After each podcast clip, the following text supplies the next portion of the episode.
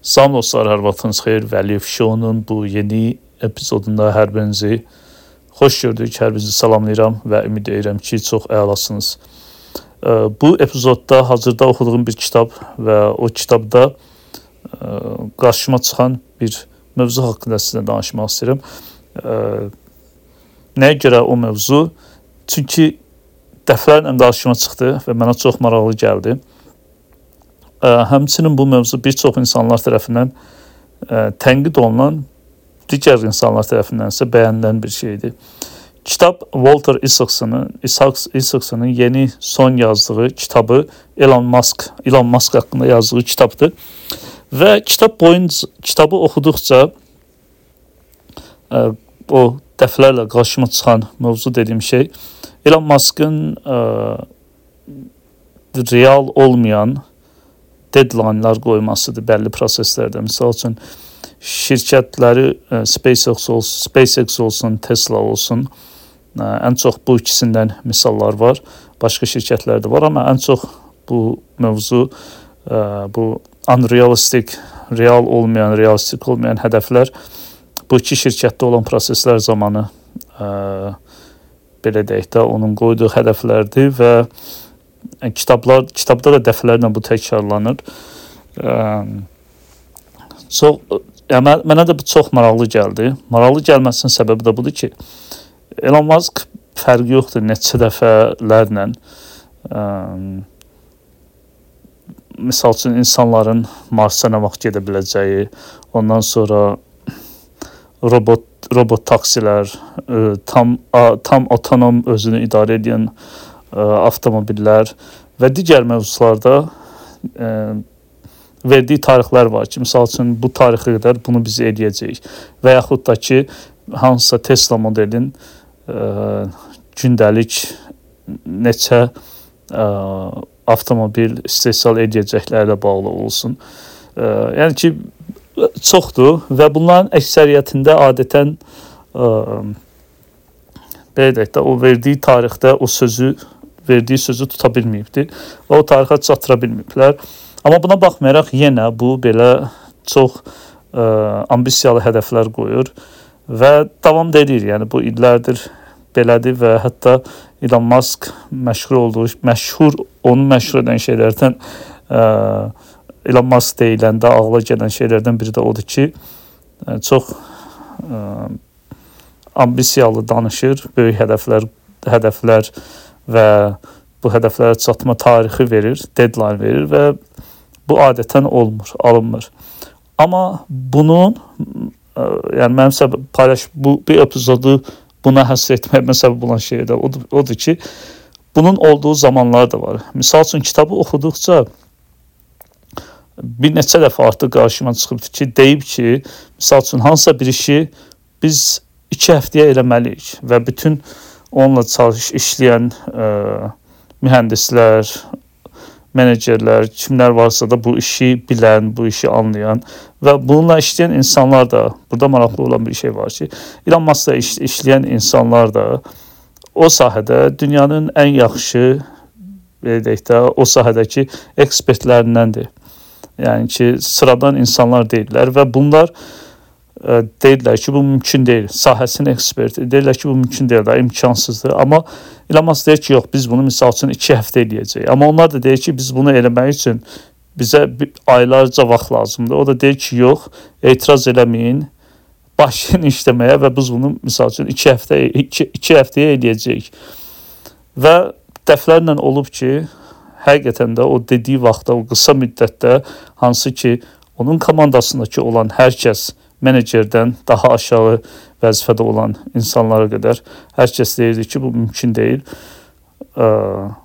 Və oldu və onlar özləri də sonda təəccüblənirlər ki, yəni necə oldu biz bunu bacardıq da. Yəni özləri də inanmırdılar ki, bu olacaqdı və ə, bəziləri bunu tənqid edir, amma bəzi insanlar da ə, belə deyək də daha məsələyə ilə bağlı səmimi yanaşma yanaşması olan insanlar da deyirlər ki, düzdür bu cür hədəflər qoyması ə, işçilər üzərində çox böyük təzyiqə, stressə səbəb olur, problemlər problemlərə səbəb olur. Amma hər halda Elon Muskın bu dərəcədə fərqli sahələrdə bu qədər uğur qazanmasının ən əsas səbəblərindən biri də məhz onun bu xüsusiyyətidir. Digər bir xüsusiyyəti də var. Bəlkə onu da hansı podkastda başqa bir epizodda müzakirə edək, amma qısaca o da budur ki, insanlara qarşı çox deyirlər ki, yəni heç empatiyası yoxdur. Yəni ki, onun üçün maraqlı deyil, işçiyə çox təzyiq edir, çox çobud çobud davranır, onun emosional olaraq özünü necə hiss edə, elədiyini heç belə deyək də vecinə də almır. Amma ki, deyirlər ki, yəni ki, bunlar bəlli vaxtlarda yaxşı xüsusiyyətlər olmasa belə bir liderdə, amma hər halda onun kimi, onun səviyyədə fərqli sahələrdə uğur qazanmaq üçün yəqin ki, olmazsa olmaz şərtlərdən biridir. Çünki bunlar özləri də görürlər ki, əgər onların dediyi kimi etsəydilər, bir çox şeyi edə bilməyəcəklərdi. Amma Elon Musk'ın o inadı, o ə,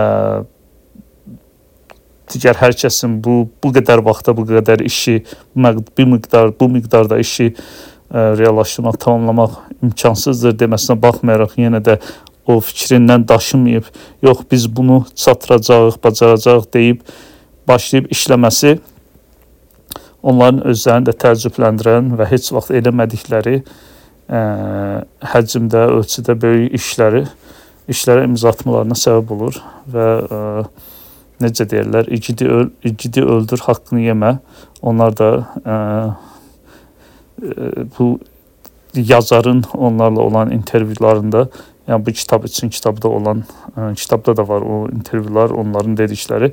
Yəni bunu demiş olurlar ki, ə, düzdür, çətindir onunla işləmək, xüsusilə bu şeylərə görə ki, çox unrealist, ə, çox qeyri-real hədəflər qoyur. Amma onun kimi hər halda belə dünyayı dəyişəcək işlərə imza atmaq üçün də deyəsən belə olmaq şərtdir. Yəni belə olmasa, belə olmasaydı bu qədər şeyləri edə bilməzdi, bacarmazdı deyirlər. Və başqa ə, bur burada maraqlı olan, önəmli olan başqa bir şey də var ki, yəni Elon Musk bu hədəflər qoyarkən hansı ki hər kəs buna deyir ki, yanındakı ən ağıllı insanlar, ən ekspert insanlar belə buna deyəndə ki, bu mümkünsüzdür. Amma deyir ki, yox biz bunu bacaracağıq. Yəni demir ki, hə gedin işləyin və bunu həll edin.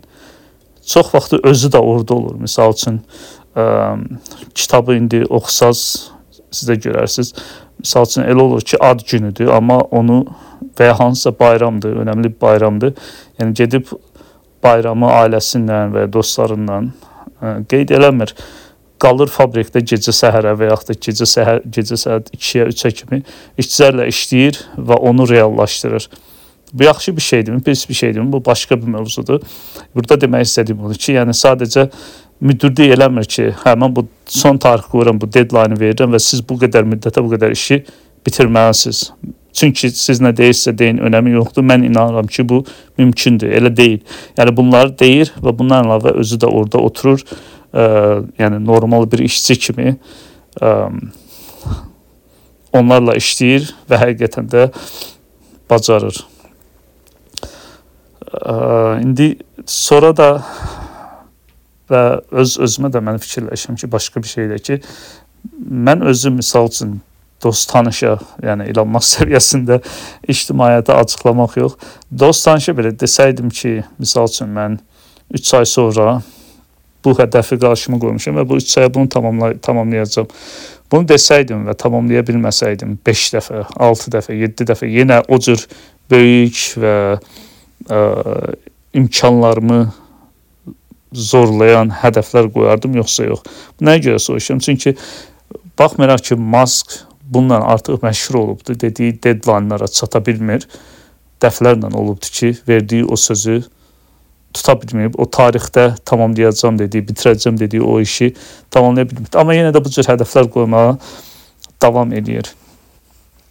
Və yəni düşünürəm, yəqin ki, çətin olardı və burdan belə nəticə çıx, yəni çətin olardı nəyə görə? Çünki düşünürsən ki, insanlar səninlə nə bilim ə, tənqid edəcəklər, səni ciddiyə almayacaqlar bir müddət sonra. Ə, yəni özünü biabır edəcəksən, gözdən salacaqsan və s. və axır bir, bir sürü şeylər. Amma bir də düşsən ki, bəs bu cür hədəflər qoysan necə olar. Yəni davamlı bu cür böyük hədəflər qoyub onlar üçün işləsən, insan görəsən nələr əldə edə bilər. Ə, yəni bunu özümə belə deyim də, indi hazırda sizinlə də səsi düşünürəm.